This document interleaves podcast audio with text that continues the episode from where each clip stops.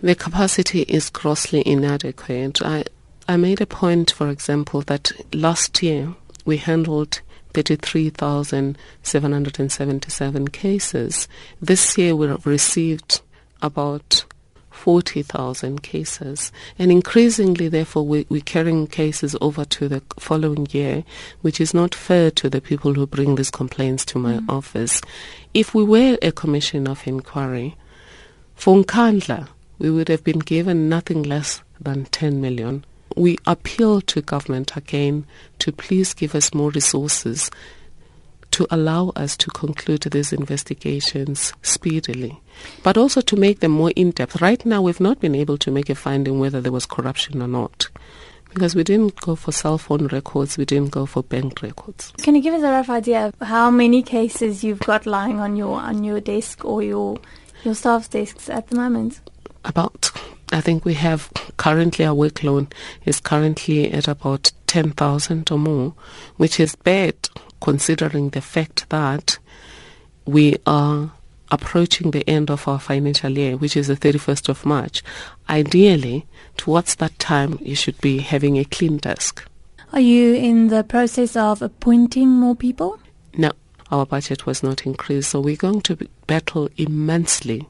Already, the CFO wrote a memo to me two days ago indicating to me that we should freeze the um, the filling in of any new posts. Hmm. Where do you see this all ending for your office as an institution, but also for yourself as an individual?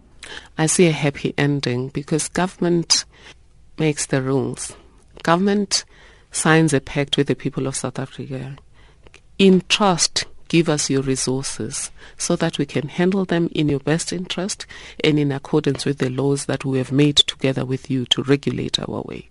Mm. I have spoken as a public protector to say two things. The actions in the Nkandla project were not done in accordance with the law, and many of them were not in the best interest of the public. I expect government to quietly now honestly review my decisions and sit down with the evidence, the original evidence now, get the minutes from Nkandla which are within government, and then decide is the public protector irrational? If government does that, it will discover that I'm not being irrational. I expect government to look at the narrative quietly in its own space and come back within the next 14 days and tell the truth to the nation. Have you at any stage been concerned for your position as public protector? And um, are you or have you at any stage been concerned for your personal safety? Not in relation to this project. The threats were the assassination that I faced in, under this project was character assassination. Mm-hmm. in previous projects, there were indications, not directly to me, but from other sources, that there were um, ill intentions. But as it stands, I would like to believe that if anyone wanted to harm me, they would have done it by now.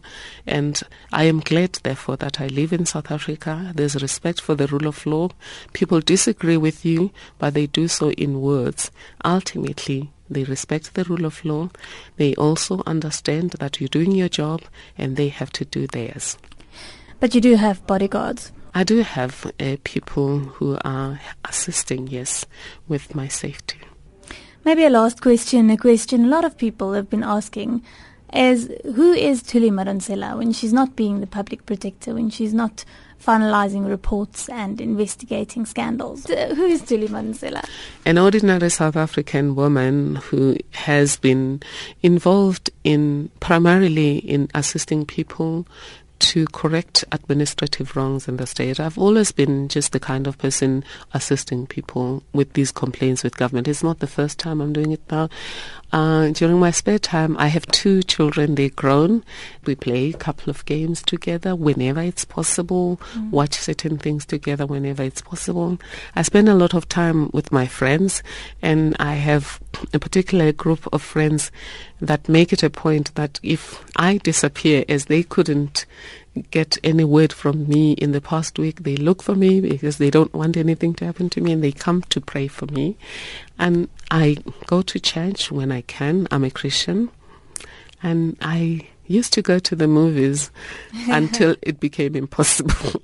All right, we're going to end it there. Ms. Madonsela, thank you very much for making time to speak with us uh, today. It really is me who appreciates this opportunity and thank you so much. Thank you to the listeners and really to all of the people who have engaged us on this matter.